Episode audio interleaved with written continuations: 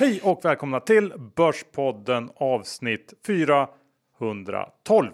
Vi ska börja med att presentera vår huvudsponsor som är Skilling, den svenskägda multi-asset tradingplattformen som har satsat på snabbhet, säkerhet och enkelhet. Ja, i USA brukar man ju säga att eh, trading är ett numbers game som lite på svenska kan väl översättas till ett eh, nollsummespel. Alltså det en trader förlorar tjänar en annan och det är också en av aspekterna som gör att jag tycker trading är så roligt och eh, givande. Man måste verkligen vara skärpt hela tiden, för annars är det någon annan som tar pengarna för dig. Ja, det gäller att veta när man ska hoppa av och när man ska kliva på. Och där bidrar ju Skilling med ett enormt utbud av instrument att handla.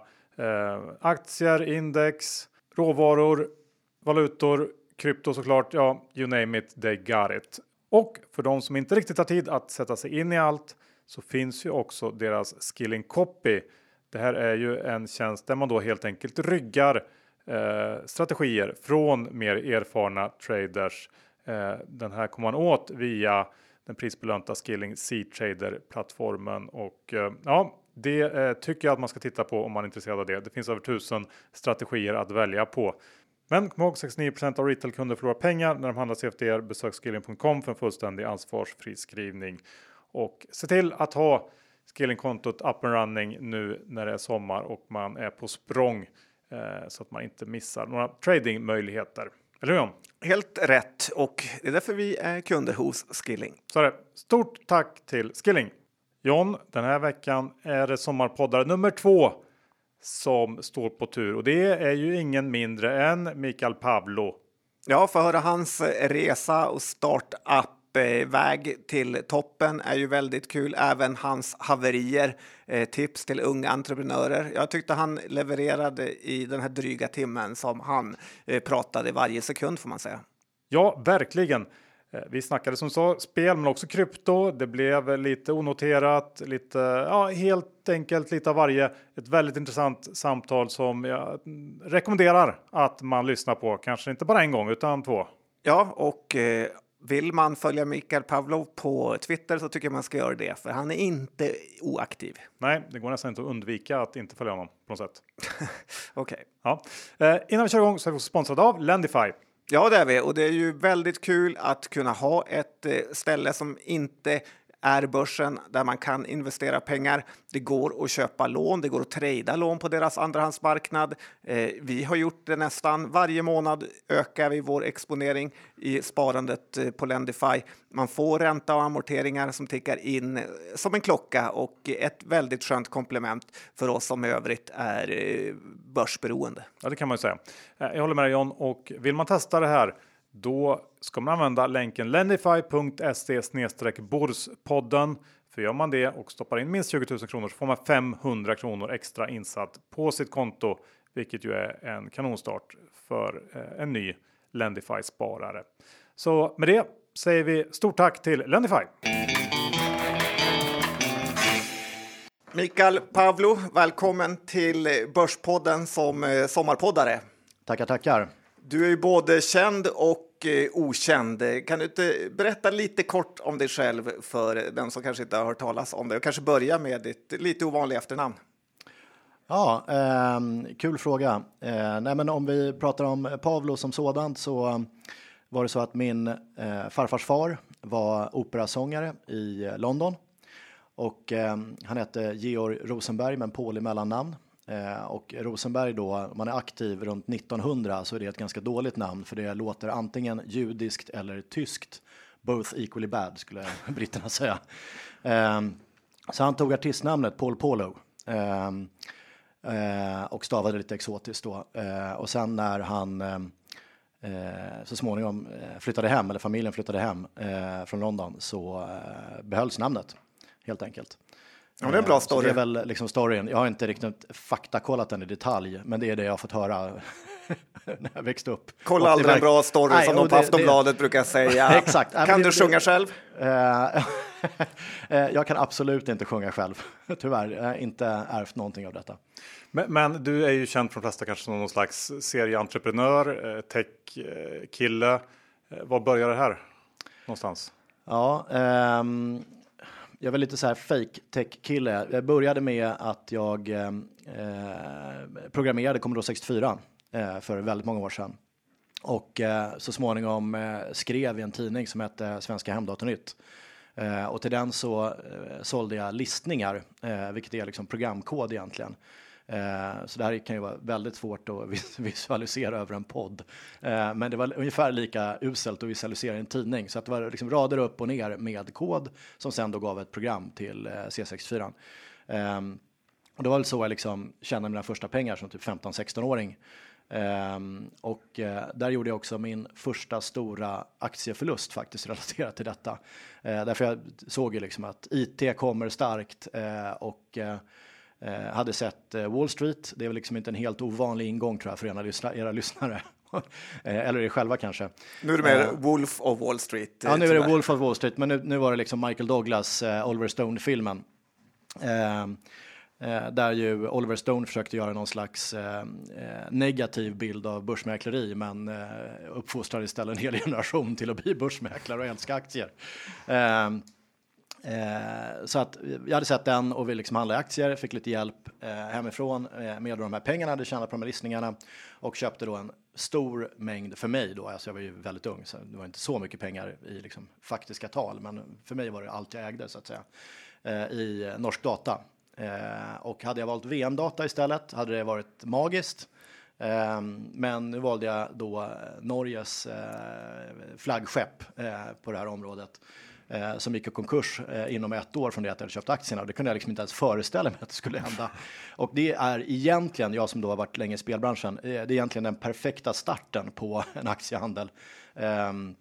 Därför börjar man med en vinst, då vet man att man kommer liksom gå ner i träsket över tid. Det är bättre att liksom börja med en förlust och så lär man sig att oj, det här kan ju gå illa. Liksom. Ja, det brukar vi också säga. Men så att det började så. Eh, eh, sen eh, eh kan man säga att liksom själva det entreprenöriella eh, började väl lite av en eh, slump som det ofta gör. Eh, men det var, jag var aktiv då runt 99 eh, och då var det väldigt, väldigt hett såklart. jag hade jobbat på lite olika företag med liksom internetrelaterade saker. Men eh, runt 99 så ringde min kompis Johan Jörgensen mig och sa att vi ska starta ett bolag. Jaha, vad ska vi göra då? Eh, Hur gammal var du då typ? Eh, ja, det är väl 25-26. Eh, jaha, eh, vad ska vi göra då? då? Eh, nej, men vi ska eh, göra en kopia av eh, Framfab Ikon Spray, eh, men mot offentlig sektor. Eh, så vi startar ett bolag som heter Municell eh, som gjorde då IT-konsultlösningar åt offentlig sektor helt enkelt. Eh, eller IT-lösningar, internetlösningar. Eh, så vi hade en egen plattform Eh, byggde bland annat regeringen.se och eh, lite olika kommuner. Tanken var att vi skulle bygga väldigt många kommuner. Eh, det finns ju runt 290 kommuner. Det där fluktuerar lite konstigt nog så att eh, de, de eh, slås ihop och eh, går isär och sådär. Men om ungefär den storleksordningen. Så vår tanke var att man bygger det här till en kommun och sen så säljer man det till alla andra. Problemet är bara att alla kommuner vill vara lite bättre och lite finare än den som man precis har sålt till. Så att alla vill ha lite nya funktioner för att attrahera medborgare. Det är ju rätt tänkt från deras sida såklart. Men det gjorde att det var väldigt svårt att bygga en affär av det här. Och 2001 eh, sålde vi det bolaget till eh, Tieto Nator, det som idag heter Tieto, eh, för typ inga pengar. Men jag och Johan fick ut vår semesterersättning så vi kände oss som vinnare ändå.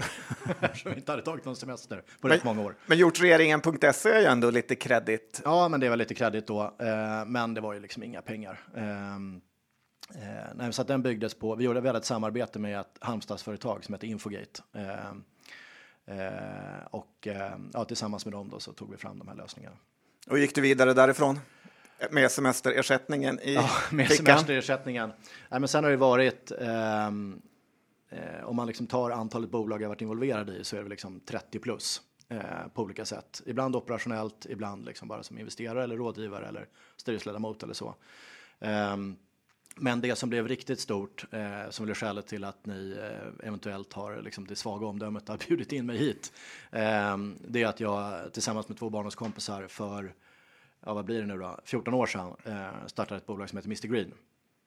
Eh, och det var då så att eh, eh mina barndomskompisar Fredrik och Henrik eh, hade tidigare startat ett bolag som heter Betsson, eh, som också är rätt välbekant. och vi hade pratat länge om att vi skulle göra någonting tillsammans. Ehm, men inte liksom, eh, vad ska man säga, eh, stjärnorna hade inte riktigt stått rätt. Alltså vi var inte lediga samtidigt eller tillgängliga samtidigt och sådär. Eh, men nu var vi det. Eh, och eh, eh, då eh, satt vi på någon middag i Humlegården, jag kommer ihåg det ganska väl. Eh, och eh, jag hade någon slags allmän moralisk diskussion med dem om eh, kan man verkligen hålla på med spel eh, och liksom eh, Eh, hur känns det och så vidare och så vidare och så vidare. Eh, och så blev det ju en sån här, eftersom vi är gamla barnens kompisar, ja men är du så bra själv då? Eh, diskussion. eh, och eh, det hände väl inte så mycket mer den kvällen egentligen, men, men jag hade någon tes om att det borde gå att göra spel på ett sätt som ändå känns liksom okej. Okay. Och sen så gick det några veckor och så ringde Fredrik och Henrik och sa att vi måste, vi måste ses, vi har en idé nu eh, och eh, du måste vara med på det här och vi måste göra det liksom. Eh, nu får du liksom leverera på den här idén du hade om att eh, det här ska gå att göra liksom på, på något bra sätt. Ehm, eh, och det blev då så småningom Mr Green. Eh, arbetsnamnet var Lucky Luke, eh, men vi ville varken egentligen bygga en salon, eller jag vill i alla fall inte bygga någon salon. och Eh, vi tror, alltså Lucky Luke är då en seriefigur, eh, om inte det är bekant. Alla är ju så fruktansvärt unga nu för tiden, väldigt märkligt. Jag vet inte hur det gick till. Eh, men eh, vi trodde inte heller att det skulle gå att licensiera Lucky Luke för liksom, spelverksamhet. Eh, så vi började hitta ett annat namn och det blev så småningom eh, Mr Green eh, döpt efter Mo Green eh, som var den som drev ett av de första, eh, ett av de första kasinon eh, som fanns i Las Vegas. Eh, trodde vi, ända tills vi skulle lansera. Då hade vi köpt domännamnet för hur mycket pengar som helst, alltså mrgreen.com. Ehm, och vi hade byggt varumärke och sådär.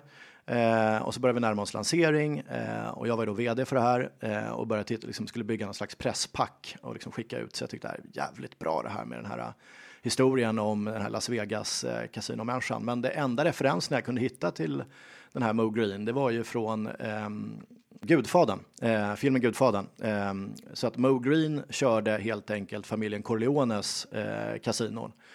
Um, Kändes ju inte helt perfekt med det, det namnet. Inte, nej, men det är dessutom så att han skimmar kasinot visar det sig. Så att i Gudfadern 2, många tror Gudfadern 1, men det är Gudfadern 2, eh, så blir han ihjälskjuten på en massagebänk när Michael då eh, håller på att rensa upp. Um, och han blir skjuten i ögat, eh, vilket då i maffiakretsar kallas för en Mo Green special. Så vi kände att det här måste vi nog distansera oss från ganska mycket. Ehm, så att vi byggde liksom en egen karaktär, ehm, en mystisk man eh, som blev upphittad av ett barnhem, eh, upphittad utanför ett barnhem, men i en fin vagn med lite pengar i. Han skulle liksom tas om hand väl ehm, och det gjorde han och sen så småningom så träffade han då Eh, Marcus du Satoy, eh, en matematikprofessor som hjälpte honom att liksom utveckla hans talanger inom bland annat spel. Eh, det här är lite extra roligt då för Marcus du Satoy existerar på riktigt, är en väldigt känd matematiker. Mm. Så att vi försökte liksom blanda verklighet och fiktion för att bygga den här karaktären. Vi hade någon varumärkesbyrå inne efter kanske fyra år som tittade på om vi skulle utveckla vidare saker och ting.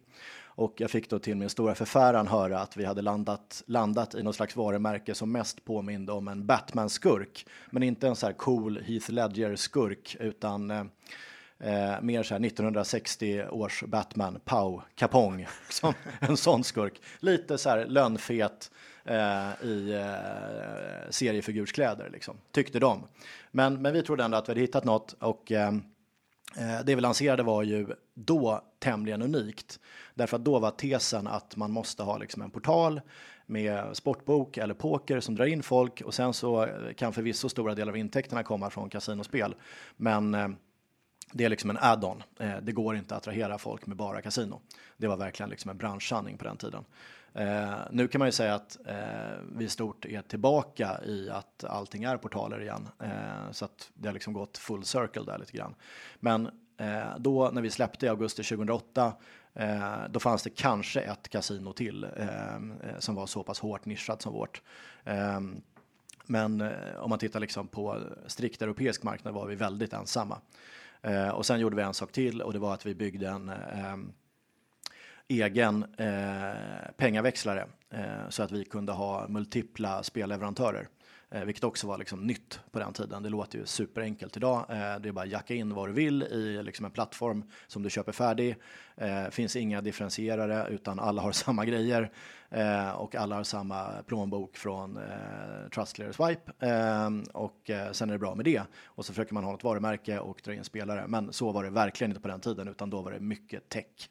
Um, och jag tror att vi, um, om jag ska titta lite framåt på spelbolagsvärlden, vi kommer komma tillbaka till det. Men um, alltså en situation där det blir mer tech igen. Men där är vi inte precis just nu. Men att ni bara fokuserar på kasinospel, vad var tanken med det? Var det att ni var ensamma eller att eh, det var lättast att tjäna pengar där? Nej, men det var inte att det var lättast att tjäna pengar, utan det var mer så här. Eh, vi tyckte alla tre att det var en väldigt liksom, rolig del av spelandet. Eh, vi gillade själva att eh, spela kasinospel, själva att eh, spela kasinospel. Eh, och sen var det en nisch som inte var gjord. det hade funnits liksom vertikaler inom poker, det hade funnits vertikaler inom eh, eh, sport, men ingen hade gjort riktigt kasinovertikalen innan. Så att det var liksom en eh, unik möjlighet just då, där och då så att säga.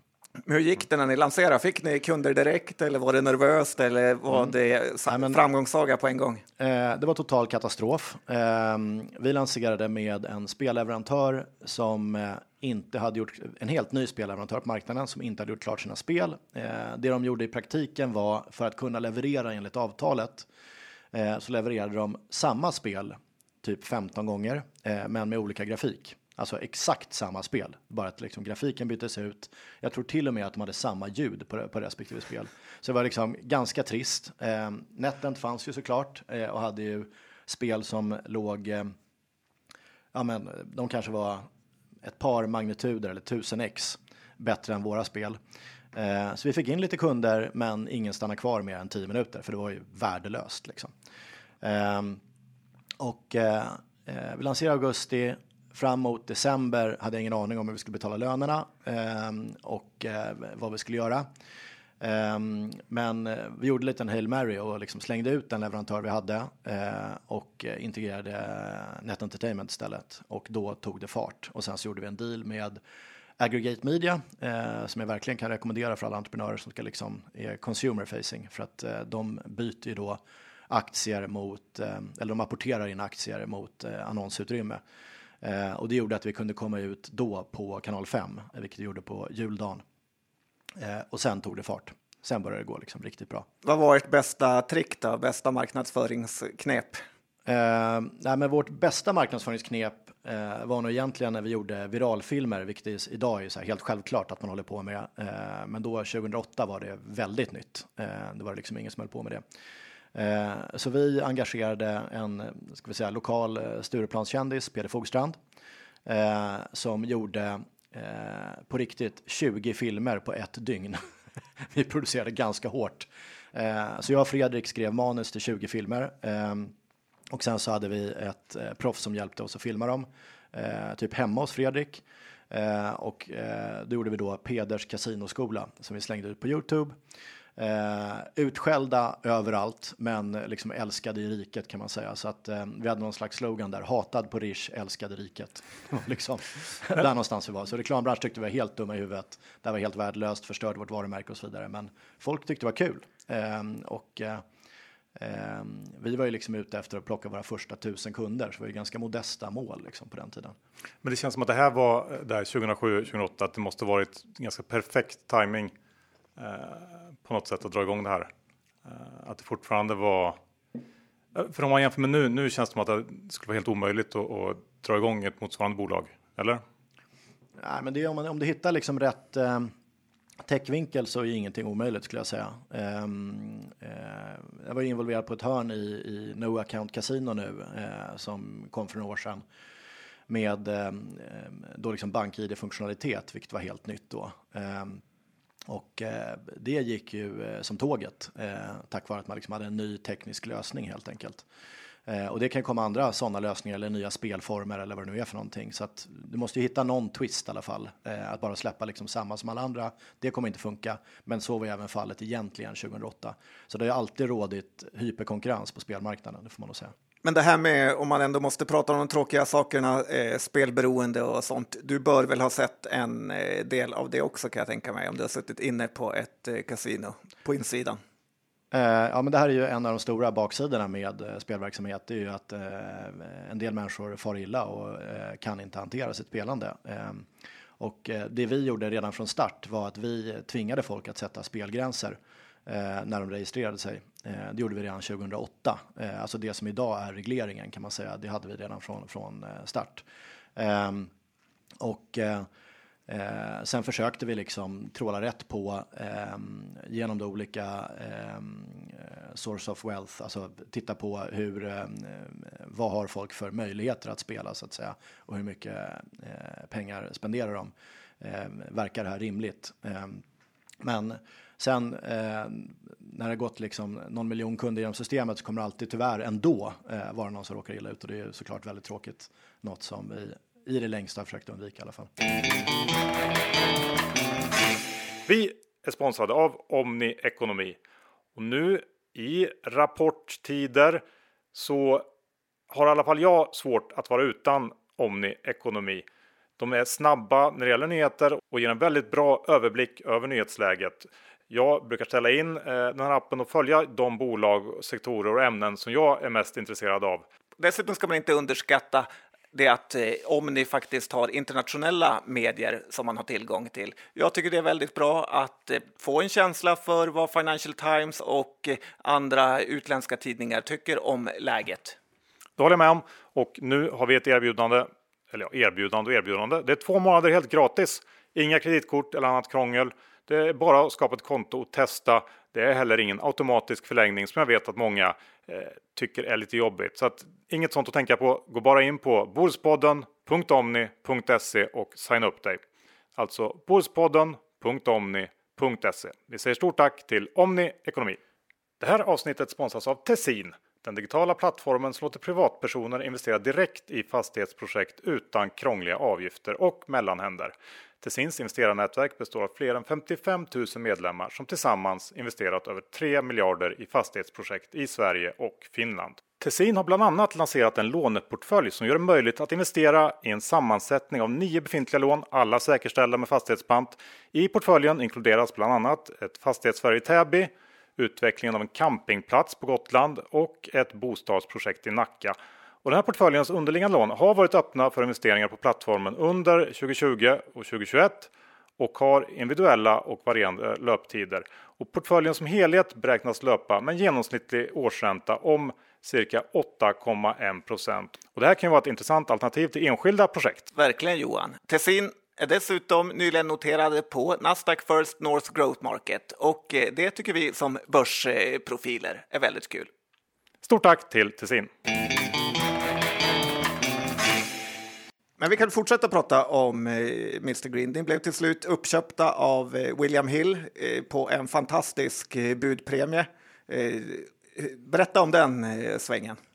Ja, eh, nej, men jag var vd, ja, vad kan det blivit, första 6-8 åren och sånt där. Eh, och eh, vi gick ju då från Eh, egentligen började på, på liksom en balkong på Malta. Ehm, eh, det, det, är väl välkänt för Börspoddens lyssnare, men Malta var ju första jurisdiktionen inom EU som, som, där man kunde få en spellicens helt enkelt.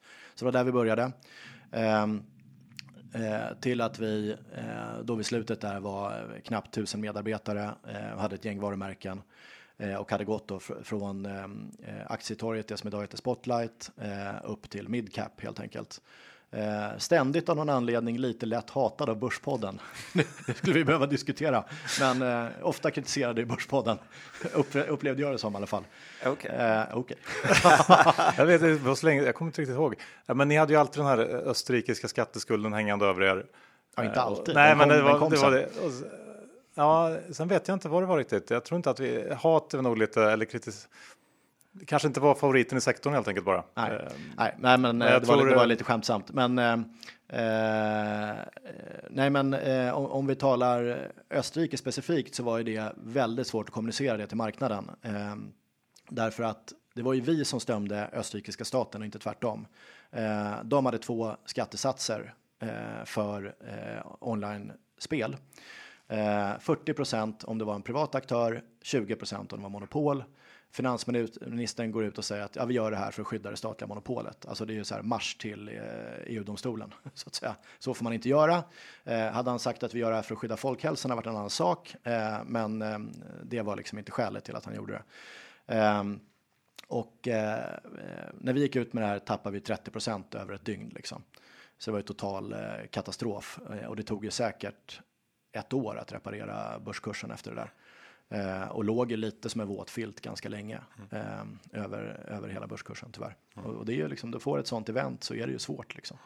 Men vad hände med William Hill då? Att... Ja, eh, nej men eh, William Hill, ehm, eh, det är ju lite speciellt nu för William Hill är ju i sig också uppköpt av Caesars Palace eh, och bland annat Mr Green är ju till salu igen. så det, det är väldigt, liksom, det är full circle nu. Men, ehm, är du sugen på att köpa tillbaka? Ja, jag har en konkurrensklausul som ligger som gör att jag inte riktigt får agera i, i konsumentledet ehm, eh, i Sverige. Men, men eh, annars skulle jag tycka att det var otroligt kul, givetvis. Eh, det, Vem det kommer köpa dem till slut då? Ja, ehm, man kan ju tycka så här att Bet365 borde köpa dem, eh, tycker jag. Eh, men kommer inte köpa dem, för de agerar inte så. Ehm, så det är väl frågan om, liksom, eh, om det är en Kindred eller eh, någon i den storleksklassen som, som plockar upp det. Vi får se. Kommer de ha gjort en bra eller dålig affär när de eh, säljer det? För det har varit mycket upp och ner med Jaha, hela... Du menar eh, Caesars? Ja. ja. Oj, eh, jag har faktiskt inte räknat på det alls. Eh, det är en rätt komplex fråga att svara på tyvärr. För det här var väl precis, det här var ju precis innan svenska regleringen och allt det där stöket för många svenska operatörer. Ja, det blev ni, klart precis innan. Som ni slapp på något sätt, um, vilket ändå måste varit skönt, tänker jag. Ja, nej, men det var ju um, hyfsat optimal timing. Hade, men, hade men det ni, kunde inte vi riktigt styra över egentligen. Utan hade det var de som intresserade. Men... kunnat, uh, eller hur, hur, såg ni på den regleringen inför? För det var ju väldigt utåt sett positiva tongångar från, från branschen i Sverige. Uh, sen så blev det ju ganska tufft ändå, uh, får man säga. Ja, nej, men jag tror att um, Många underskattade nog hur mycket eh, eh, man skulle flytta fram positionerna rent regleringsmässigt eh, och de flyttar sig fram hela tiden nu. Nu använder man ju pandemin liksom som argument för att det ska finnas insättningsgränser på 5000 kronor. De förlängs, förlängs, förlängs, förlängs ehm, och, och vissa andra begränsningar. Och det är ju ofta så liksom att när en reglering kommer så har ju den tendens att bara bli tajtare, aldrig bli liksom lösare egentligen. Um, och jag tror att man trodde på liksom högre grad av kanalisering eh, och liksom en eh, mer eh, öppen approach till eh, att nu kommer de privata bolagen in, det kommer skapa arbetstillfällen, det kommer skapa skatteintäkter, det kommer bli ordning och reda. Ehm, men jag tror att många upplevt det som att det snarare varit lite av en jakt på dem så att säga. Eh, trots att man försöker liksom sköta sig i det kanaliserade systemet. Mm. Men funkar regleringen eller inte? Ja eller nej? Um, jag skulle säga att den inte fyller riktigt det ändamålet som en reglering borde vara till för, eh, nämligen att eh, skydda spelare, eh, se till att man får in skatteintäkter och får liksom operatörerna och leverantörerna att eh, sköta sig fullt ut. Man har ju missat att reglera leverantörer, man har missat att reglera affiliates. Ehm, och eh, ehm, det finns vissa andra brister i det här som liksom gör att kanaliseringen fungerar inte riktigt fullt ut. Eh, och eh, eh, spelarna får inte riktigt det skydd de förtjänar. Tror, tror du att en, en, till exempel en sån här business to business licens som det har snackats lite om, tror du att det är nästa steg eh, i det här? Ja, eh, jag tror inte det är nästa steg, utan jag tror att nästa steg är marknadsföringsförbud för vissa produkter som man tycker är liksom särskilt. Eh, typ kasino? Ja, skulle kunna vara kasino eller egentligen allt som inte staten driver är fram, framgångsrikt själv, om jag får uttrycka mig så. Men om vi ändå pratar om leverantörer, vad, du har ju sett dem. Eh, vad tycker du om till exempel Evolution Gaming som är ju en mega småspararfavorit? Är de så överlägsna som börskursen indikerar? Eh, ja, men det är väl två, det är två olika frågor. Eh, Eh, om de är överlägsna? Ja, de är definitivt överlägsna och eh, kommer dominera eh, både live-casino och eh, kasinoprodukter tack vare köpen då eh, nu av eh, Net Entertainment ehm, och ehm, eh, vad heter det andra? Red? jag har glömt vad det heter nu. Ehm, men men eh, de två förvärv som man gjorde, gjorde här nu sista, eh, sista åren är ju liksom perfekta kan man väl säga. Eh, så perfekta att man eh, nästan funderar på om liksom konkurrensmässigt eh, korrekta. Men, men det är väl kanske en sektor som inte eh, granskad ur, den, ur det perspektivet riktigt på det sättet. Eh, men men eh, de är totalt överlägsna, ja. Eh, sen får man fundera lite på liksom, eh, vad finns det för intäkter i bolaget? Eh, och det gäller väl liksom alla leverantörer, om man liksom kan tala generellt istället för just specifikt om, om Evolution. Ehm, vad finns det för intäkter? Eh, hur ser eh, cash conversion ut? Det vill säga eh, hur snabbt får man betalt av operatörerna? En sak är att man redovisar intäkter, men får man verkligen in cashen också i samma, samma takt? Kan operatörerna betala sina fakturer? Ehm, och hur stor del är liksom grå till svart? Eh, liksom oreglerad helt enkelt. Eh, För det där har ju varit någonting som varit uppe på tapeten när det gäller till exempel Evolution från gång till annan. Det har varit hedgefonder som har blankat lite på den tesen. Mm. Men sen så har de ridit ut det de gångerna hittills i alla fall. N när DSO-siffror börjar bli för höga och så vidare. Så har det ändå på något sätt reverserats efter ett tag. Ja. Men det är den grejen du är inne på. Ja, nej, men det, det där är ju liksom en eh, egen skola eh, just avseende liksom ESG och vad kan man investera i och vad måste man investera i när bolagen blir tillräckligt stora för att komma i rätt index och sådär. Eh, men jag, jag, tror ju att eh, eh, om, vi, om ni försöker ni föra tillbaka till Evolution igen märker jag, men, men om vi säger liksom allmänt ehm, eh, och också om man tittar på Hindenburg-rapporten om DraftKings eh, som liksom talar om rätt stora liksom, eh, mörkgrå intäkter potentiellt i det bolaget så eh, finns det ju det, det, det, det här är lite komplext, men det finns två delar i det här. Antingen så är det en jättebomb eh, därför att många eh, institutioner kan inte äga bolag med liksom en så pass tung exponering mot eh, lite svajigare intäkter. Ehm, eh, alternativt kan man se det på ett annat sätt, nämligen att eh, reglerat börjar bli väldigt svårt att tjäna pengar på. Eh, det är rejält utmanande att vara aktiv i marknader eh, där man börjar liksom gå mot 30 beskattning. Även om man är leverantör så kommer det någonstans drabba även dig. Eh, och eh, eh, då kanske det är ganska fint med den här typen av intäkter. Eh, traditionellt, alltså om vi tittar tio år tillbaka, eh, då betraktades de här intäkterna som liksom ett till ett. En krona värderas till en krona. Eh, idag kan ju de intäkterna, och, och liksom reglerat då, skulle värderas till kanske 10 kronor. Um, Idag kan man få en multipel över 50 på liksom eh, eh, mörkgrå intäkter därför att alla intäkter räknas lika. Och varför gör de det? Jo, det är för att det sker i princip ingen analys av handeln i de här bolagen, eh, utan eh, det är ju eh, ETFer och liksom, eh, nästan algoritmisk eh, liksom, trading som drar upp mycket av det här givet liksom att resultaten ser bra ut. Eh, men alla intäkter räknas lika. Ehm, men det... är det verkligen så? För jag menar, om du tittar på Angler Gaming så är det mycket billigare än till exempel Kindred. Mm, men nu är du inne på operatörer. Jag pratar om leverantörer. Eh, så på operatörssidan, där är man ju duktig på det här. Där ser man den här skillnaden. Liksom. Men på leverantörssidan anser jag att um, där uh, gör man inte distinktionen på samma sätt. Uh, sen, sen, skulle jag också säga att det, är, um, det gör skillnad om du är i den storleksordningen som vi talar om avseende ja, både DraftKings och eh, Evolution. Alltså SP-tech då tänker jag framförallt på i, DraftKings. Um, men det kan ju vara så att de intäkterna är de mest attraktiva going forward. Uh, sen kan man ju fråga sig ytterligare en fråga då uh, för att öka komplexiteten ytterligare. Det är om det är liksom rätt för de här bolagen att befinna sig i en börsmiljö uh, där det kan vara så pass uh, svajigt för att de sprutar ju ut cash. Det råder det rätt lite tvivel om. De tjänar mycket pengar. Men eh, bör de vara i en miljö där det ställs liksom eh, komplexa andra krav som kanske inte har så mycket med verksamheten att göra? Det kan man fråga sig. Mm. Jag tycker det är intressant att prata om det här med eh, eh, fordringarna, kundfordringarna.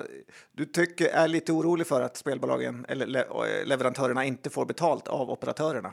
Jag vet ju inte exakt hur det ser ut, men eh, säg bara att det är ehm, alltså cash conversion är någonting vi tittar för lite på eh, när vi tittar på bolagen. Eh, jag tror inte att det är något bekymmer om du är en riktigt stor leverantör för att du är tvungen att ha dem. Men du kan ju använda leverantören lite som bank, eventuellt om du är en eh, mindre operatör så att säga. Men kan man inte, de här grå eller svarta intäkterna, kan man inte, är det inte oundvikligt eh, på lite sikt att, att alla, alla marknader på något sätt blir reglerade? Eh, det är ju liksom en, en eh, fin intäktskälla för, för de flesta stater. Ja, men om man tittar på spel som sådant så är min tes att spel kommer alltid att finnas. Ehm, det har varit liksom en av världens tio största industrier de sista 1000-2000 åren. Ehm, så de finns nog, det finns nog kvar liksom. Ehm, kommer regleras? Ja, det kommer regleras. Eller både och. Det kommer både regleras och finnas liksom en alternativ marknad, eh, tror jag, framöver.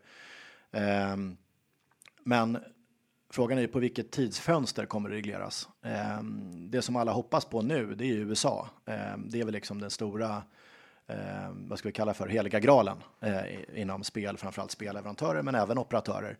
Eh, och det sker någon typ av landgrab eh, med liksom DraftKings längst fram. Men där är ju även kan bli intressant och jag skulle säga liksom att titta på svenska bolag så är Kindred väldigt intressant där.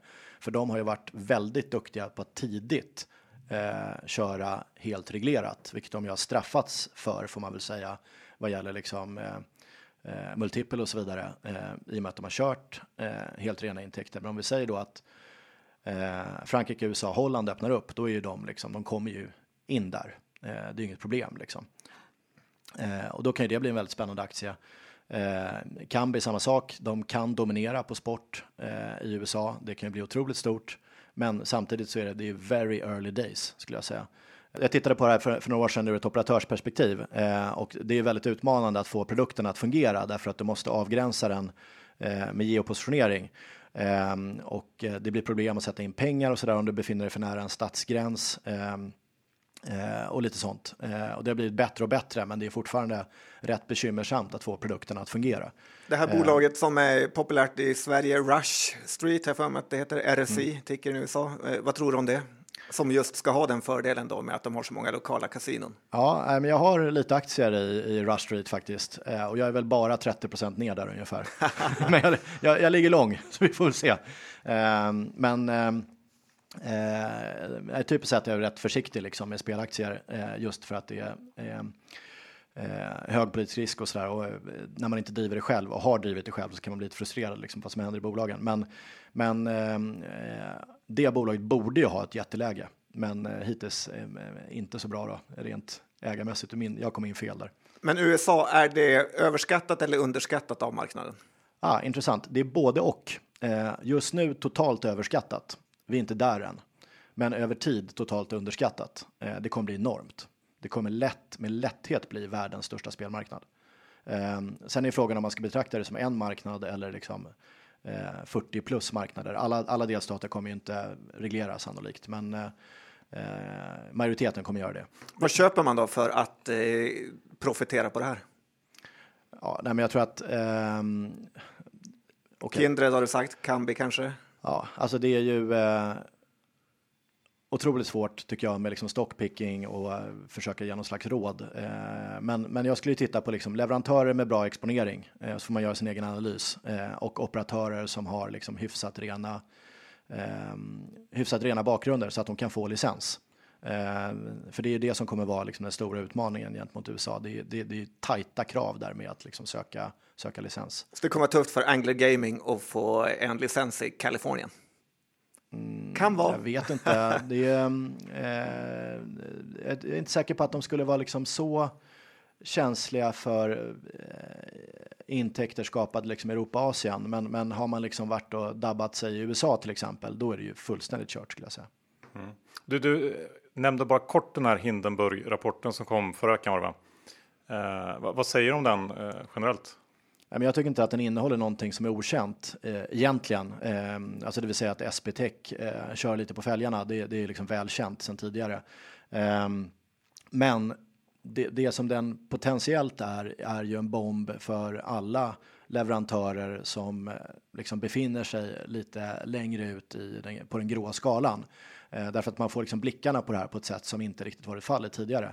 Operatörerna har ju många tittat på och liksom okej, okay, du kan inte liksom agera i det här landet eller eh, du får en bot där eller eh, det blir liksom en eh, skattetvist någonstans eller liknande. Men, men leverantörerna har ju inte pratat så mycket om eh, vad de ägnar sig åt eh, rent liksom regulatoriskt. Mm. Så att det är väl den effekten det framförallt kan ha tror jag. Vi pratade lite om det förra veckan och spontant känns det konstigt till exempel att, att en aktör som Svenska Spel eh, kan välja en leverantör som SB Tech givet att, att merparten av det här stämmer då, som, som eh, står i den här rapporten. Eh, hur, hur, ser du liksom på, på det? Ja, nej men eh, jag vet inte om liksom Svenska Spel i sig skulle vara liksom eh, finare eller bättre än någon annan eh, operatör så att säga. Um, de tycker nog det själva. ja, men de, de kanske vill liksom presentera den framtoningen, men vi har liksom lite svårt att köpa det rakt av. Um, uh, så att, ja, okej, okay. uh, ska man ställa högre krav på liksom det statliga bolaget än på övriga? Ja, en del kanske tycker det, men, men uh, um, jag tänker på att de borde ändå ha, ha se till att ha kanske inte högre krav, men att är man ett statligt bolag så måste man ändå se till att. Ja, men vi säger så här. Vi säger så här då. Eh, svenska spel hade istället varit eh, amerikanska spel. Om det varit i USA. Då hade det inte funnits på kartan att de köpt något annat än en svensk leverantör om det fanns en svensk leverantör, vilket det ju gör. Um, så det kan väl också vara ett svar på frågan. Mm. Ja, det är bra. Innan vi lämnar spelsektorn, för vi har mycket att prata om idag, så är du involverad i några bolag i, inom eh, betting nu? Nej, ingenting. Um, och, eh, Känns det inte tråkigt då med all den kompetens du besitter, att du varit med om uppköp, eh, hela det paketet, att nu inte lägga någon eh, tid på det? Ja, nej, men jag står, eh, står parkerad i garaget redo för, för nästa äventyr så småningom. Vad skulle du göra då om du fick? Om du vill bjuda på eh, ett nytt Mr Green? um, nej, men jag tycker att det finns ganska mycket kvar att göra uh, i, vad ska man säga, Eh, Eh, korsningen mellan ansvarsfullt spelande och spelupplevelse. Eh, jag tycker många har liksom gått bort sig där och blivit antingen så här eh, extremt ansvarsfulla, vilket har liksom tagit bort glädjen i spelet. Man har tagit det liksom för långt i det avseendet. Eller som har gjort för lite. Det finns väldigt få liksom som har lyckats hitta balansen än så länge. Jag tycker de som, som ligger bäst till just nu är nog Kindred. Ehm, men de har också jobbat med det här väldigt, väldigt länge. Ehm, men, men jag tror att även i deras fall så ehm, kanske de ska vara lite mindre nervösa eh, för att, vad de faktiskt håller på med. Alltså det är ju spelverksamhet och det får man nog stå för om man håller på med det tänker jag. Eh, jag kan bara ge ett lite kul sidoexempel på detta eh, och det är Coca-Cola som nu släppte liksom sin business sustainability report här nyligen med, med sin vanliga rapport. Och det var liksom 86 sidor om eh, varför eh, de egentligen inte vill hålla på med det de håller på med. En slags ursäkt. Eh, och det är så här, jag kan tycka liksom att okej, okay, var det verkligen det här som sustainability och liksom CSR skulle gå ut på? Ehm, det är väldigt mycket lip service nu från alla bolag. Man lägger väldigt mycket tid, väldigt mycket kraft och väldigt många tusentals tecken i sina rapporter på att berätta eh, liksom om någonting eh, som man absolut inte håller på med, som kanske är liksom kärnverksamheten. Ehm, eh, och ehm, ja, jag tror att det finns liksom någon slags, eh, jag brukar alltid se det som reglage liksom. Eh, och eh, man har antingen dragit reglaget för långt ner i liksom icke spelansvar eller för långt upp i spelansvar. Man skulle kunna hitta någonstans där mittemellan och återfinna liksom glädjen i spelet tror jag. Eh, och försöka liksom undvika de här procenten som, eh, eh, som inte kan hantera det. Det är extremt viktigt såklart. Ja, men det är bra ord. Då lämnar vi betting för ett tag. Eh, Johan, vad säger du? Vad ska vi ta upp näst? Nej, nej, men det är inte så att du har valt att pensionera dig efter eh, Mr Green exiten. Utan Hur rik är du egentligen? är det någon du vill svara på? Alldeles, för, alldeles för fattig.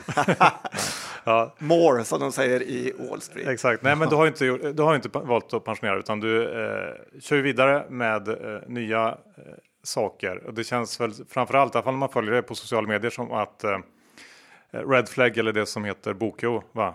Eh, är ditt eh, primära projekt. Ja, men det stämmer. Um, så att um, efter Mr Green eh, så eh, startade jag, Niklas Derouche och Mattias Söderhjelm ett bolag som heter Redflag. Och eh, tanken var att göra det väldigt enkelt att driva eh, och managera, liksom administrera eh, sitt bolag. Liksom en till tio anställda, väldigt enkla bolag, inte liksom startups utan eh, lite mer liksom creator economy eller eh, eh it-konsulten så att säga. Eh, och med då eh, maskininlärning eh, och lite liksom manpower bakom kulisserna eh, får det här att bli väldigt, väldigt enkelt att driva, starta och liksom bokföra sitt bolag eh, med adderade då finansiella tjänster. Så det var Red Flag. Men är det eh, som typ eh, Fortnox liknande eller? Ja, men Fortnox får du göra väldigt mycket jobb själv i eller din revisor gör väldigt mycket jobb i det. Eh, här är tanken att du liksom tar bort hela det ledet plus att du har liksom bankkontot helt integrerat i lösningen. Men inte det Fortnox är det, att ta bort väldigt mycket arbete från revisor? Ja, det, det vet jag inte om de skulle hävda liksom fullt ut, men, eh, men, men det är liksom samtidigt en jämförelse jag kan leva med givet hur de går på börsen, så att, eh, det är väl okej okay, liksom. Men Förra året då eh, så konstaterade att vi, vi hade en rätt bra produkt, eh, vassa, eh, framförallt vassa på finansiella tjänster och liksom finansinspektionstillstånd och sådär. Och sen hade vi en konkurrent i Göteborg som heter Bokio eh, som var väldigt vassa på att plocka kunder.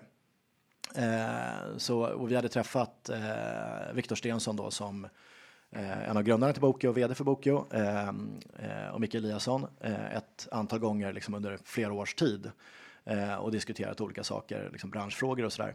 Eh, men mitt under brinnande pandemi så kom vi fram till att det vore inte bättre att vi slog ihop bolagen och skapade liksom en starkare enhet tillsammans. Eh, så det skedde då förra året, eh, blev väl helt klart godkänt av Finansinspektionen någonstans juni, augusti, jag minns inte exakt datumet nu. Eh, ja, eh, det håller vi på med nu då. Eh, så att vi finns i Sverige och England.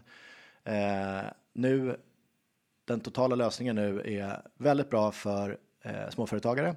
Eh, funkar också väldigt bra för eh, redovisningskonsulter och eh, revisorer och liknande som vill liksom ha en lösning för att köra sina eh, mindre kunder i med då liksom ökad automationstakt och liksom, eh, enklare att eh, få sakerna att funka. Eh, och sen har vi då samtidigt ett eh, bankkonto knutet till allting så att vi väldigt enkelt kan samla in all information om liksom, kunden vill det. Och, och, hur stort är det här? Har du några, kan du bjuda på några, några siffror? Ja, men vi har väl inte riktigt gått ut med det, men det är, det är liksom ehm, eh, väldigt många aktiva kunder. Mm. Eh, men är det inte en tuff eh, sektor? Det är många konkurrenter. Man ser du poppar upp i tunnelbanan lite så där då och då. Någon som gör reklam att man ska eh, slippa hålla på med kvittona. Eh, är det lätt att, eh, är ni inte för sena? Nej, men det är en otroligt tuff sektor och eh, det var också skälet till att vi gick ihop. Eh, därför att eh, Bokio är extremt bra på att eh, ta in kunder. Eh, man rankar etta på storleksordningen 500 eh, sökord eh, inom liksom bokföring, småföretagande, starta bolag och så vidare. Eh, så man har en otroligt organisk tillväxt, alltså i princip CAC noll. Vilket alltså betyder? Cost of, cost of acquisition för att ta in en kund. alltså kostnaden för att ta in en kund är väldigt nära noll. Ehm, och man växer ändå ehm, eh, med eh, ja, vad ska jag säga, hundratals kunder om dagen då, så att säga, så får ni en slags bild och som man hållit på i fem år. Så att det, det är ju ehm, eh, väldigt imponerande bygge. Eh, och nu är det dags för liksom nästa fas. Eh, nu ska vi liksom ta det här eh, till nästa steg och se om vi klarar av det. Eh, och det är liksom ett spännande, alltid ett spännande skede i, i ett bolag. Och vad är det då, nya marknader eller? Ja, men fler marknader, eh, ökad monetization, eh, få de finansiella tjänsterna att liksom byggas ut ytterligare lite grann. Eh, så ja, egentligen det vanliga, produktutveckling, marknad och intäkter. Får vi se det här bolaget på börsen någon gång? Ja, men det hoppas jag verkligen. Snart? Eh, snart tror jag inte. Eh, men det är liksom ingenting vi har diskuterat i, i det avseendet. Jag tror att det är eh, något eller några år kvar i alla fall. Innan, Låter som att det skulle kunna få en, en hygglig värdering i alla fall för det. Ja, nej men ehm, eh, rätt eller fel, men jag, jag, tycker att det sker rätt många märkliga IPOs just nu. Jag vet inte om ni håller med, håller med om det, men det är liksom Um, om man får mångmiljardvärdering på att liksom sälja eh, plagg på nätet eh, utan stor differentiering, nu pekar jag inte ut något bolag fast det är det kanske det ändå, eh, så, eh, så, så, kan man ju tänka sig att, att eh, vi skulle få en väldigt fin värdering på börsen just nu. Men eh, samtidigt min personliga åsikt att det är väl bra att ha liksom en sund underliggande verksamhet som står och tuffar och går och ja, jämför man med spelbranschen så som jag nämnde tidigare liksom sprutar ut pengar ur balansräkningen varje år. Eh, är man där någonstans då, då tycker jag man är mogen för börsen. Eh, har man inte ehm, fullt ut den lönsamheten ännu, då, då, kan jag tycka att det är lite tidigt. Lite oväntat ändå från en entreprenör att uh, tycka det, för de brukar vilja ha in bolagen så fort som möjligt på börsen. Ah, jag tycker verkligen inte att det är åsikten. Jag tycker de flesta brukar vilja eh, brukar hata börsen. Om det sprutar ut pengar, det låter nästan som att det är för sent för börsen. Då. Ja, ja okej. Okay. Ja, men det är good point. Men eh, om vi säger så här att eh, eh, man behöver vara på börsen för ökad kapitalförsörjning och så där, då löpande kapitalförsörjning, då är det ju rätt att vara där. Men att vara där som exit är ganska dåligt för entreprenören. Eh, man kan inte sälja sina aktier utan att börskursen går åt fanders. Eh, vad man än gör egentligen betraktas ju som ytterst suspekt om det inte bara handlar om att fortsätta bygga bolaget så att säga. Hur mycket äger du det här bolaget? Eh, 5 idag. Ja, spännande. Eh, sen vet vi att du är ju eh, involverad i det här Forza Fotboll också. Ja. Ett bolag vi har träffat någon, på någon spiltande av Jan. Ja. Eh, intervjuar vi vdn. Ja. Och du är väldigt aktiv på att kommentera fotbolls-EM nu på Twitter. Så älskar du fotboll? Annars ja, är det ju konstigt. Ja, du är nej, men, aktiv i Djurgården också? Jag är inte aktiv längre i okay. Djurgården, men jag satt, jag satt i Djurgårdens fotbollsstyrelse eh, under de riktigt mörka åren kan man säga. Stämmer eh, att KJP pumpar in pengar i Djurgården? Eh, inte vad jag vet. Jag tror Djurgården står på egna ben. Lite snålt av han. Eh, ja, nej, men eh, han är i alla fall en aktiv supporter, det vet jag. Ja, Jons, Jons dröm är ju om han blir rik någon gång att uh, köpa ett eget fotbollslag. Ja, vilket Precis. skulle du köpa då? Jag skulle nog köpa något i England, men jag spelar för mycket så här fotbollmanagerspel. Jag skulle börja i de lägre serierna och ta mig upp. det kräver mycket pengar. Man ska gärna vara liksom thailändsk miljardär. Ja, det är John. Det inte. Varken något av det, så att det är svårt. ja, men, men, men, det är ett spännande bolag, Forza. Mm. Uh, Nej, men det börjar ta sig. Um, så att vi har, det, det har börjat bli lite av en koncern faktiskt. Så att vi har uh, en SAS-lösning nu för fotbollsklubbar. Um, vi har uh, ett databolag där vi säljer liksom datan vi samlar in. Um, vi har Eh, då eh, det som är det ni känner till, själva, själva appen med eh, laguppställningar och eh, livescore så att säga. Um, och där, där händer det ganska mycket spännande produktutveckling. Vi kommer förhoppningsvis släppa någonting här snart som är väldigt spännande där. Um, och sen har vi faktiskt ett, ett par bolag till på gång eh, som vi inte riktigt är redo att berätta om än. Men, men det händer väldigt mycket i det där bolaget så det, det är kul. Men jag tyckte det var så på... kul med Forza Fotboll att det var användarna som hjälpte till att bygga bolaget, eller hur?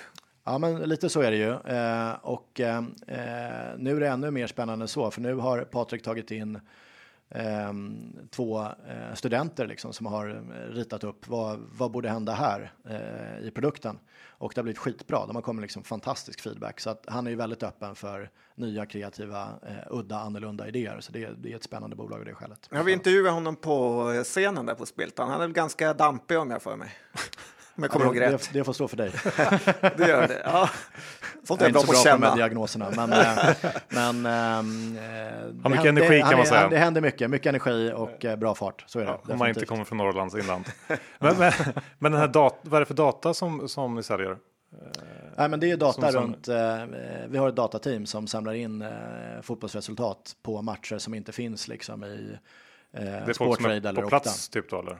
Ja, men de, det behöver de inte vara, utan de kan ju se matchen på tv, men okay. att den inte eh, sänds. Så att till exempel damfotboll är väldigt underrapporterat, för att ta ett exempel. Så säljer ni det till, till spelbolag sen då, eller hur? Till exempel, ja. ja mm. okay. Spännande. Um, ska vi... Finns det någon mer, någon mer investering som du har som du vill prata om? Eller ska vi gå över till krypto kanske? Det ju... Ja, äh, men äh, vi hade ju en, äh, där var jag väl fyra, fyra liksom inte fantastiskt stor ägare, men vi hade ju en spännande exit förra veckan som som inte uppmärksammats mycket i Sverige och det var ju i K6 eller det som tidigare hette Load Impact. så startades alltså Ragnar Lönn som var en av de första internetentreprenörerna i Sverige. Han startade Algonet en gång i tiden.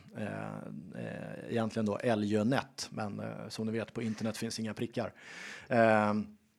Eh, en av de första privata internetoperatörerna eh, och han drog igång eh, så småningom. Han skulle egentligen starta ett stort datorspel, open world spel som heter World Eater, eh, men det blev liksom övermäktigt det här. Eh, men som en del av, av det spelet så utvecklade han lasttester och eh, de lasttesterna blev så småningom Load Impact, eh, ett bolag som, som sysslar med lasttester, det vill säga att om vi säger att du ska ta emot väldigt, väldigt mycket trafik på eh, kort tid, eh, då har ni kanske sett ibland att om det gick det inte att gå in på Folkhälsomyndighetens hemsida liksom. Eh, eller ehm, alltid öppet, eller vad det nu kan vara för viktig applikation som inte kan ta emot din trafik. Eh, det där bolaget gör är att liksom analysera din trafik och eh, få det att funka bättre. Eh, eh och det har väl stått och stampat, eh, gick väldigt bra första åren eh, och sen har det stått och stampat i ja, fem, sex år. Ehm, och eh, sen så skedde en intern rekrytering av en ny eh, vd, en av liksom, utvecklarna ehm, och produktkillarna. och han gjorde en förändring och både open sourcade programvaran delvis och sen så analyserade han fram hur man skulle göra det här gentemot GitHub för att få, så många utvecklare som möjligt att använda programmet. Ehm, så extremt utvecklarvänligt och helt plötsligt tog det superfart. Ehm, Eh, och eh, det bolaget har nu köpts av en väldigt lovande aktör som heter Grafana. så det blir klart förra veckan. Så det är en kul grej. Kul. Mm. Kul för dig, kul när det går bra för andra. Ja, nej, men uh, inget som uh, liksom de här stora sajterna skrivit om är man lite bitter över ändå på något konstigt sätt. Men det var ah. för, för tekniskt den här gången. Stefan Breikit uh, ligger på latsidan hör jag, det var inte kul. Nej, men vi måste... inte säga om honom. vi måste ju prata krypto. Du är ju kanske en av de bättre i Sverige på krypto, stämmer det? Ja, det vet jag inte. Jag har hållit på, jag hållit på länge, men intresserad i alla fall. Topp ett, som man brukar säga. Nej, nej. Eh, ja. Nej, men vad säger du om krypton? Den har nästan halverat om vi pratar bitcoin eh, sen toppen ja. och det är lite svajigt för första gången på länge. Ja, det har ju varit några kryptovintrar. Eh, så jag, jag har väl följt det här sedan 2011-2012 när det fick det liksom förevisat för mig första gången. Eh, framförallt bitcoin då. Och eh, för mig har det väl egentligen aldrig handlat om spekulationen. Den tycker jag är ganska värdelös faktiskt. Eh, så att så här, ska man, ska man köpa krypto nu i dippen eller inte? Jag har ingen aning, liksom. det, det är svårt att säga. Eh, men eh, en sak kan man ju säga, eh, det är att eh, ofta säger storbankskoncerncheferna så här att ah, men vi tror inte på, på bitcoin, men vi tror på blockchain. Och jag är väldigt svårt att liksom se att en eh, distribuerad kedja kan fungera utan bitcoin eller liksom någon motsvarande del som, som håller liksom systemet igång. Annars är det väldigt svårt att se liksom hur, hur den här distribu distribuerade kedjan ska funka. Eh, så liksom bitcoin och ethereum, eh, de funkar. Vi vet ju att Kina nu förbjuder mining. Um, och man håller på att stänga ner, men, men eh, bitcoin är ju otroligt robust. Alltså, även om kursen eh, gentemot dollarn har gått ner eh, kraftigt så funkar ju tekniken. Det är liksom solitt eh, och det är väl det jag tycker är mest spännande. Och det finns ju massor av saker som händer där. Eh, sen är det klart att eh, skulle ni prata med Peter Benson så skulle han vara rätt förbannad på mig för att jag pratar så mycket om bitcoin för att eh, han tycker liksom att jag hypar någonting här som småsparare riskerar eh, hoppa på. Ja, han hade ju lagt ner en hel eh, helg på bitcoin och inte kommit fram till någonting. Ja, eller ja, han kommer fram till att han tyckte att det var i princip en scam, liksom. Mm. Bluff. Um, men eh, eh, tekniken är solid. Eh, vi kommer att se liksom, smarta kontrakt bli extremt stort. Eh, man pratar väldigt lite om det, liksom, smarta kontrakt och eh, vi kommer också se NFT explodera, eh, i min absoluta bedömning, alltså non-fungible tokens. Det hade ju gått ner otroligt mycket sista tiden såg jag transaktionsvolymen i NFT. Ja, nej, men det, det, liksom, det sker fluktuationer i all ny spekulation eh, så är det ju liksom att eh, det är lite hype ett tag. Eh, NFT var ju otroligt hypat på Clubhouse när Clubhouse var nytt. Eh, då var det liksom varenda rum hamnade om NFT. Eh, mer eller mindre, det var så det kändes. Det var så här, Bitcoin och NFT. Eh, det är möjligt att algoritmen liksom straffade mig specifikt, men, men jag fick bara upp sådana rum i alla fall. Men NFT, det är typ att man kan köpa ett digitalt konstverk? Ja, det kan ju vara det, men det kan ju också vara liksom rättigheten till en lägenhet. Eh, skulle också kunna vara liksom klä sig i en NFT. Eh, det har ju sålts en sån nu precis. Eh, Mike Larrington sålde sin våning i Ukraina, i Kiev. Eh, alltså en riktig NFT. lägenhet? Ja, vad tänkte du annars? men det är en sån här låtsasvärld. nej, nej, nej, det är inte liksom någon Second Life eh, eller Roblox lägenhet. Eh, men det skulle man också kunna tänka sig att det säljs på det här sättet. Ja, man skulle det kommer, det kommer ju ske liksom. Koppla på vad som helst på, på, en NFT. Ja, egentligen är det ju bara liksom eh, proof of stake, att, man, att man äger någonting. Och det är inte så konstigt egentligen att man liksom visar proveniens. det sker ju i konstvärlden hela tiden så att säga, att man försöker visa proveniens. Och det, det här är ju ett liksom bättre sätt att göra det på än allt annat som har funnits tidigare. Men sen finns det ju också, eh, nu kommer lite hype här då, eh, i alla fall, jag kan inte hålla, hålla mig. Eh, Benson, håll för öronen. Ja, precis. Nej, men vi är ju på väg mot eh, metaverse i eh, stormsteg. Liksom. Eh, om man tittar på kidsen så lever de mer eller mindre på nätet. Och det är mycket liksom, det är Roblox, eh, eh, Minecraft, eh, Fortnite och så vidare. de kommer ju vilja Eh, ha olika liksom, digitala attribut för, för att visa sin status eh, på olika sätt. Eh, och det kommer ske med hjälp av NFT, det kan man vara ganska säker på. Ehm, så att något spännande är på väg att hända. Eh, om det betyder att det är rätt att investera i digitala eh, vad heter det, baseballkort. Det är liksom två helt olika frågor. Eh, men däremot att tekniken är väldigt spännande och bör följas. Det tycker jag nog. Har du köpt eller sålt något själv i NFT-aktigt? Ja, nej, men jag äh, håller på att pilla lite där. Har, har du någon kryptopunk? Nej, jag är, jag är för fattig. Jag är ingen kryptopunk. det, det är dyra grejer. ja, ja men jag håller, det är oerhört spännande. Det är svårt och tror att det inte kommer att, det är väldigt tydlig koppling tycker jag med spelvärlden också.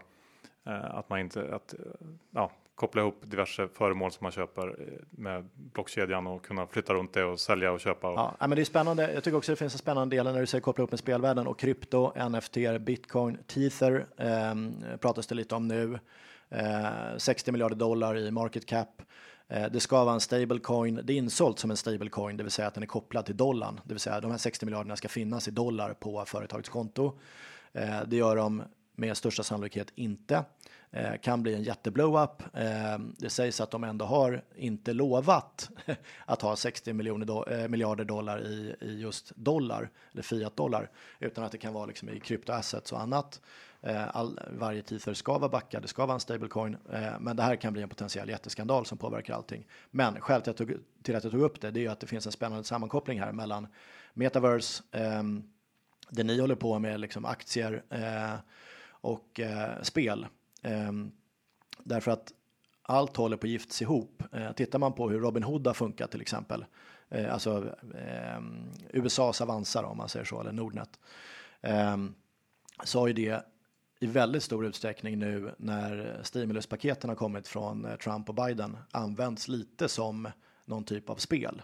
Eh, samtidigt som Robin Hood är ju väldigt bra på att köra gamification på det som händer i, i, appen. Och det börjar nu också blöda in, märker man i till exempel Avanza som nu har liksom milestones, eh, vilket jag tycker är ganska, mm.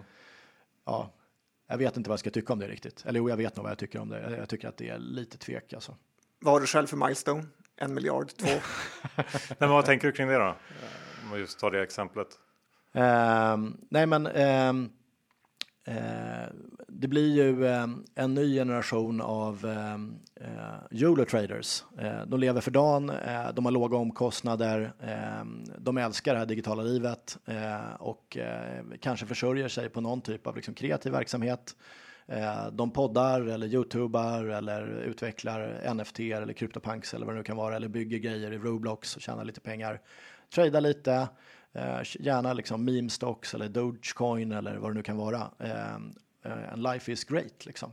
Eh, så det är någonting, det här är en observation som jag inte riktigt har sett göras ordentligt någonstans. Men jag tror att det kommer en, en generation där som, som liksom tänker på ett helt nytt sätt, vilket är lite spännande. Eh, Robin Hood är bra på att fånga upp dem. Ehm, sen kan man fråga sig vad händer då om, eh, om inflationsspöket kommer och vi ser liksom en rejäl sättning i marknaden. Eh, vad händer med dem då? Eh, kommer det vara liksom eh, motsvarande vad som hände med det som kallas för frisyrerna i den första liksom, internetvågen i Sverige. De som var, liksom, hade jävligt coola frisyrer och jobbade med liksom, HTML-utveckling på, eller kodning på eh, Razorfish Spray, Icon Media Lab och Framfab. Eh, att eh, ja, när liksom bubblan sprack, eh, får man väl ändå uttrycka det som, eh, ja, men då kanske man inte har så mycket att falla tillbaka på, utan eh, då, då börjar man liksom från noll och så kanske man skaffar sig en utbildning eller vad man nu gör för någonting. Ja, men vi sa väl det i början att det bästa som kan hända är att man förlorar sina pengar som ung. Ja, det är i och för sig sant. Eh, men just nu är det ju svårt att förlora pengarna verkar det nästan som. Ja, men, men, på tal om då... Utom i Rush Street. ja, nej, men eh, vi som försöker vara lite värdeinvesterare, vi har ju ett dåligt år i år alltså. Så är det ju. På tal om inflation då, som ju är kanske den stora grejen liksom, när det gäller tillgångsmarknader. Vad, vad, nu börjar det bubbla lite grann. Siffrorna kommer upp. Är det starten på någonting? Ja, spännande. Um, om vi um, liksom tänker på eh, pengar som sådant, eh, tillåts man en liten exposé här eller? Shoot. Eventuellt. Ja. Nej, men, eh, om, om vi tänker på pengar som sådant så ehm, var ju eh, pound sterling var ju den stora reservvalutan och sen blev det andra världskriget. Eh, USA gick ut som den stora vinnaren tvingade alla att eh, ha dollar istället i den här Bretton Woods-överenskommelsen som eh, reservvaluta. Eh, man knöt den till guld. Varför då? Eh, jo, för att USA kontrollerade redan två tredjedelar av världens guld, så det är ju praktiskt. Ehm, och eh, man hade då den här guldmyntfoten, det vill säga att valutan motsvarade liksom en guldtacka eh, i Fortnox och liknande. Då inte redovisningsbolaget utan den stora banken som James Bond, eh, eller rättare sagt som Goldfinger, rå, försöker råna i Bondfilmen Goldfinger. Ja, vad heter den här Eh, galningen med hatten? Han Oddjob. tänkte, ja, just det. Han Ja. tänkte man mycket på när man var liten. Ja, ja nej, men eh, han, hans hatt återfinns ju på Mr Greens huvud, så där har en liten koppling. Ehm, men ehm, eh, sen 1971 var det väl så övergav man ju eh, guldmyntfoten och då blir liksom dollarn fullt ut fiat, det vill säga den, den eh, korresponderar inte mot ett verkligt värde utan vi har kommit överens om att det här är någonting vi handlar med. Eh, det skulle lika gärna kunna vara en sten eller liksom en eh, glaspärla eller vad som helst. Det här är värdet liksom. Ehm, och skälet till att vi tror på det, det är för att det är backat av USA och det är världens liksom, reservvaluta. Ehm, man kan ju säga att eh, bitcoin i sig är ett långsamt uppror mot liksom, dollarn som reservvaluta. Eh, men den är ju absolut inte i närheten av att vara där ännu, så att säga, bitcoin i sig. Eh, men det som är intressant är vad som händer nu då när eh, man har tryckt, eh, eh ja det är väl ungefär 27 procent nya dollar bara senaste året, alltså under pandemin. Det är i alla fall norr om 21 procent och söder om 30, jag tror att det är någonstans där runt 27, kommer inte ihåg exakt nu.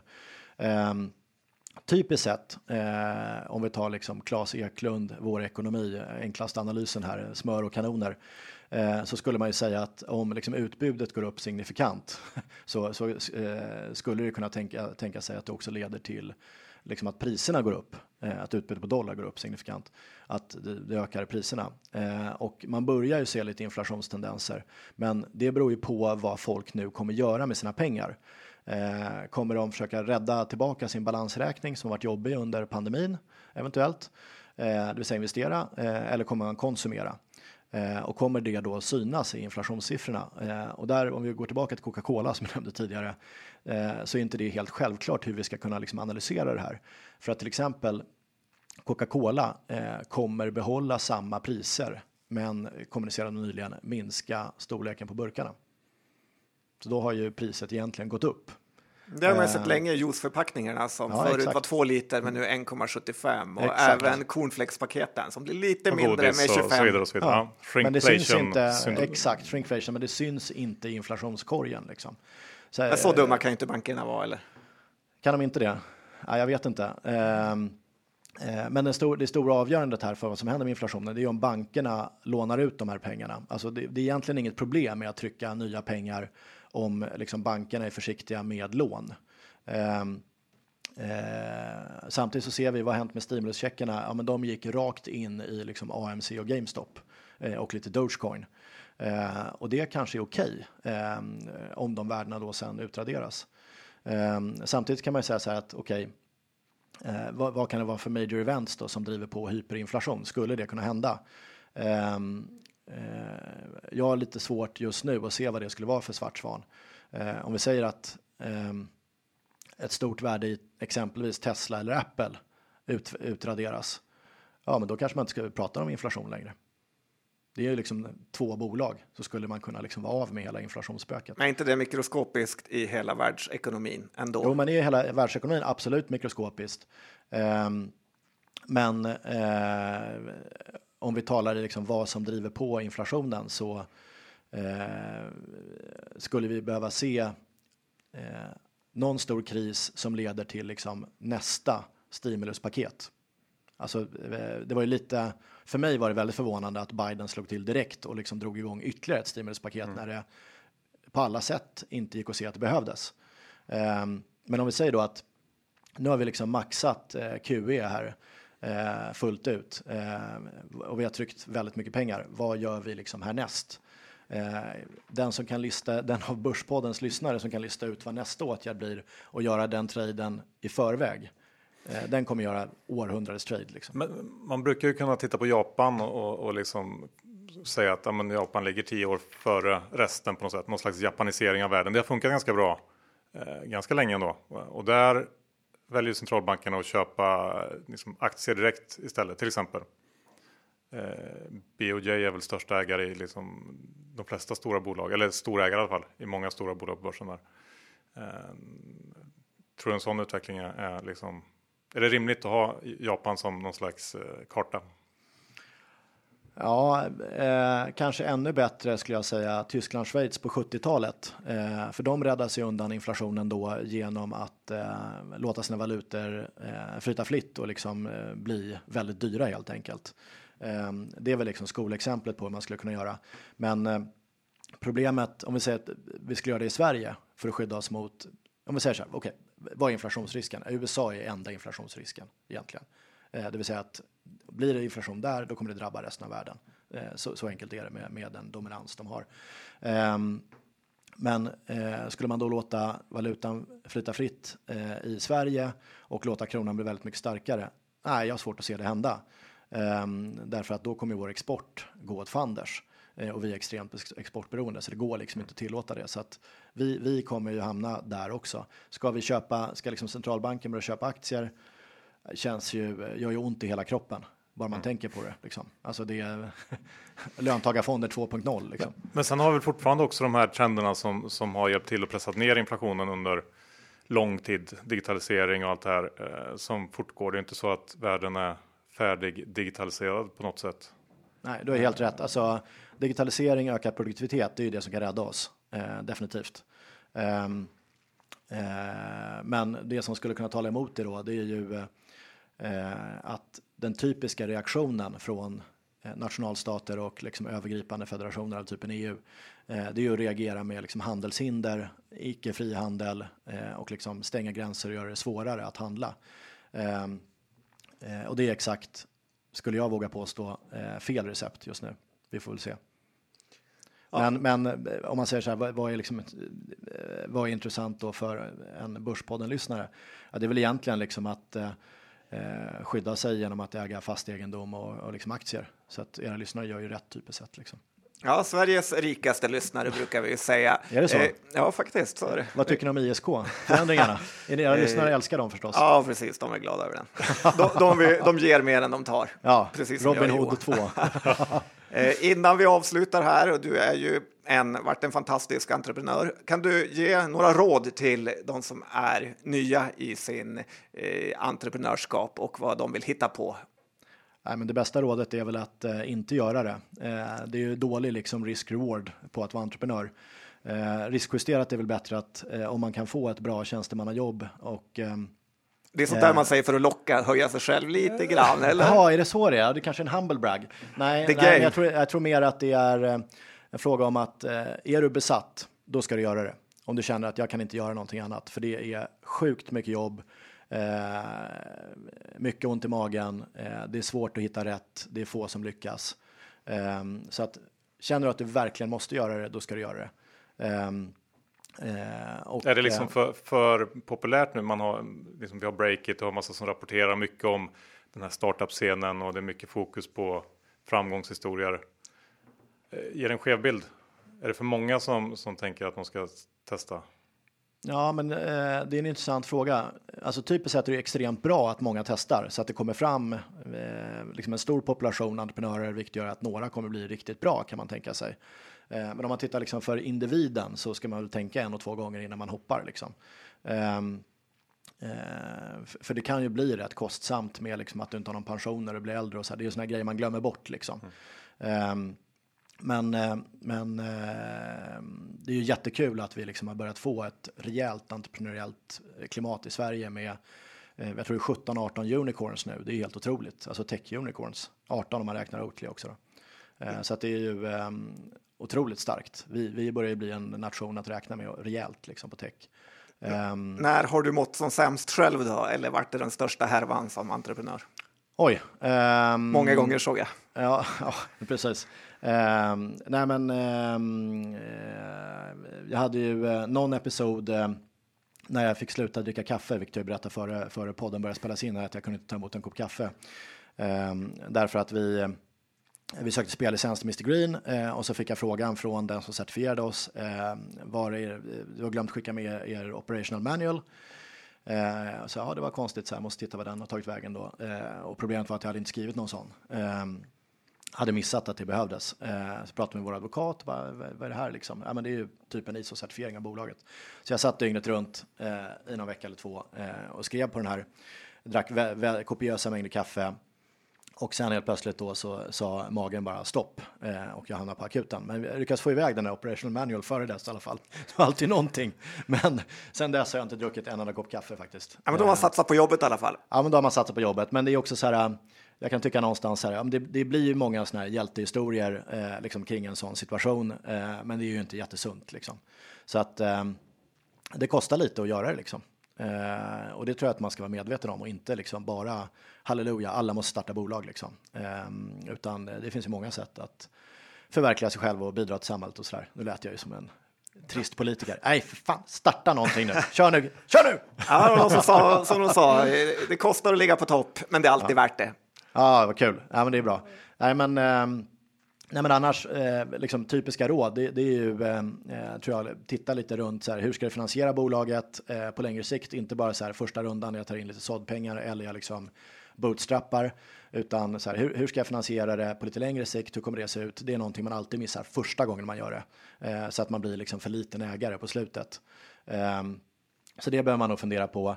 Eh, teamet förstår alla att de behöver liksom fundera på Um, affärsplan slarvar en del med. Den är ju egentligen ett värdelöst dokument, men den är rätt bra. Jag, jag är en av de få som fortfarande liksom för, eh, framhärdar i att det är ett rätt bra dokument för att ha liksom en karta att stämma av mot hur det gick. Så att säga, eh, har vi förändrat oss och varför? Liksom, så man kan ställa de frågorna. Eh, så, så det tycker jag att man ska ha. Eh, men sen så måste du verkligen vilja göra det. Du behöver liksom inte vara passionerad i betydelsen att det är det enda som betyder något i livet. Det tror jag är ganska dåligt. Då kanske du inte ska göra det. Eh, det är väl bra om man liksom inte identifierar sig fullt ut med bolaget, för det är inte säkert det lyckas, så då kan det bli ganska jobbigt sen efteråt. Speaking of experience, sa han bittert. Ja, men tack så hemskt mycket för att du tog dig tid att komma förbi. Ska vi, ska vi bara avsluta med eftersom det nu är förhoppningsvis coronan håller på att försvinna. Folk eh, kanske börjar kika på att boka lite resor igen. Har du något så här favoritresemål någonstans i världen som är lite under lite värdecase bland resemål? Oj, eh, det var ju en väldigt spännande fråga. Eh, jag är ju lite vanemänniska. Jag gillar franska rivieran. Eh, det är inte liksom någon kioskvältare så där, som, som resmål, men kanske lite underskattat nu för tiden. Så att, Ja, eh, går alltid leta upp något eh, patinerat eh, gammalt hotell eller eh, gå in på eh, VRBO, eh, gamla Home Away. Mycket bättre än Airbnb när det gäller franska rivieran. Nu gjorde jag i och för sig bort mig, för nu kommer det bli svårare för mig att hitta fastigheter framöver. Ja, eh, stort tack för att du tog dig tid. Lycka till! Tack så jättemycket. Stort tack John får vi säga till Mikael Pavlo som kom hit och bjöd på sig själv och på eh, diverse klokheter. Ja, jag hoppas någon av er vågar bli entreprenör efter det här samtalet som både var tumme upp och tumme ner. Men det är inte lätt, men ni vet ju det kostar att ligga på topp, men det är alltid värt det. Så är det. Och eh, som sagt, Skilling är vår huvudsponsor. Se till att ladda ner appen och få igång ett konto. Man gör det enkelt via BankID och det finns svensk kundtjänst. Men kom ihåg 69% av alla retailkunder förlorar pengar när de handlar efter er. Besök skilling.com för en fullständig ansvarsfri skrivning. John, eh, det finns inte så mycket mer att säga eh, nu, utan vi ska släppa er här. Ja, det finns en sak att säga och jag vet att väldigt många har väntat på det. Ja, jag kan säga först då. Eh, hej då! Ja. Hej då!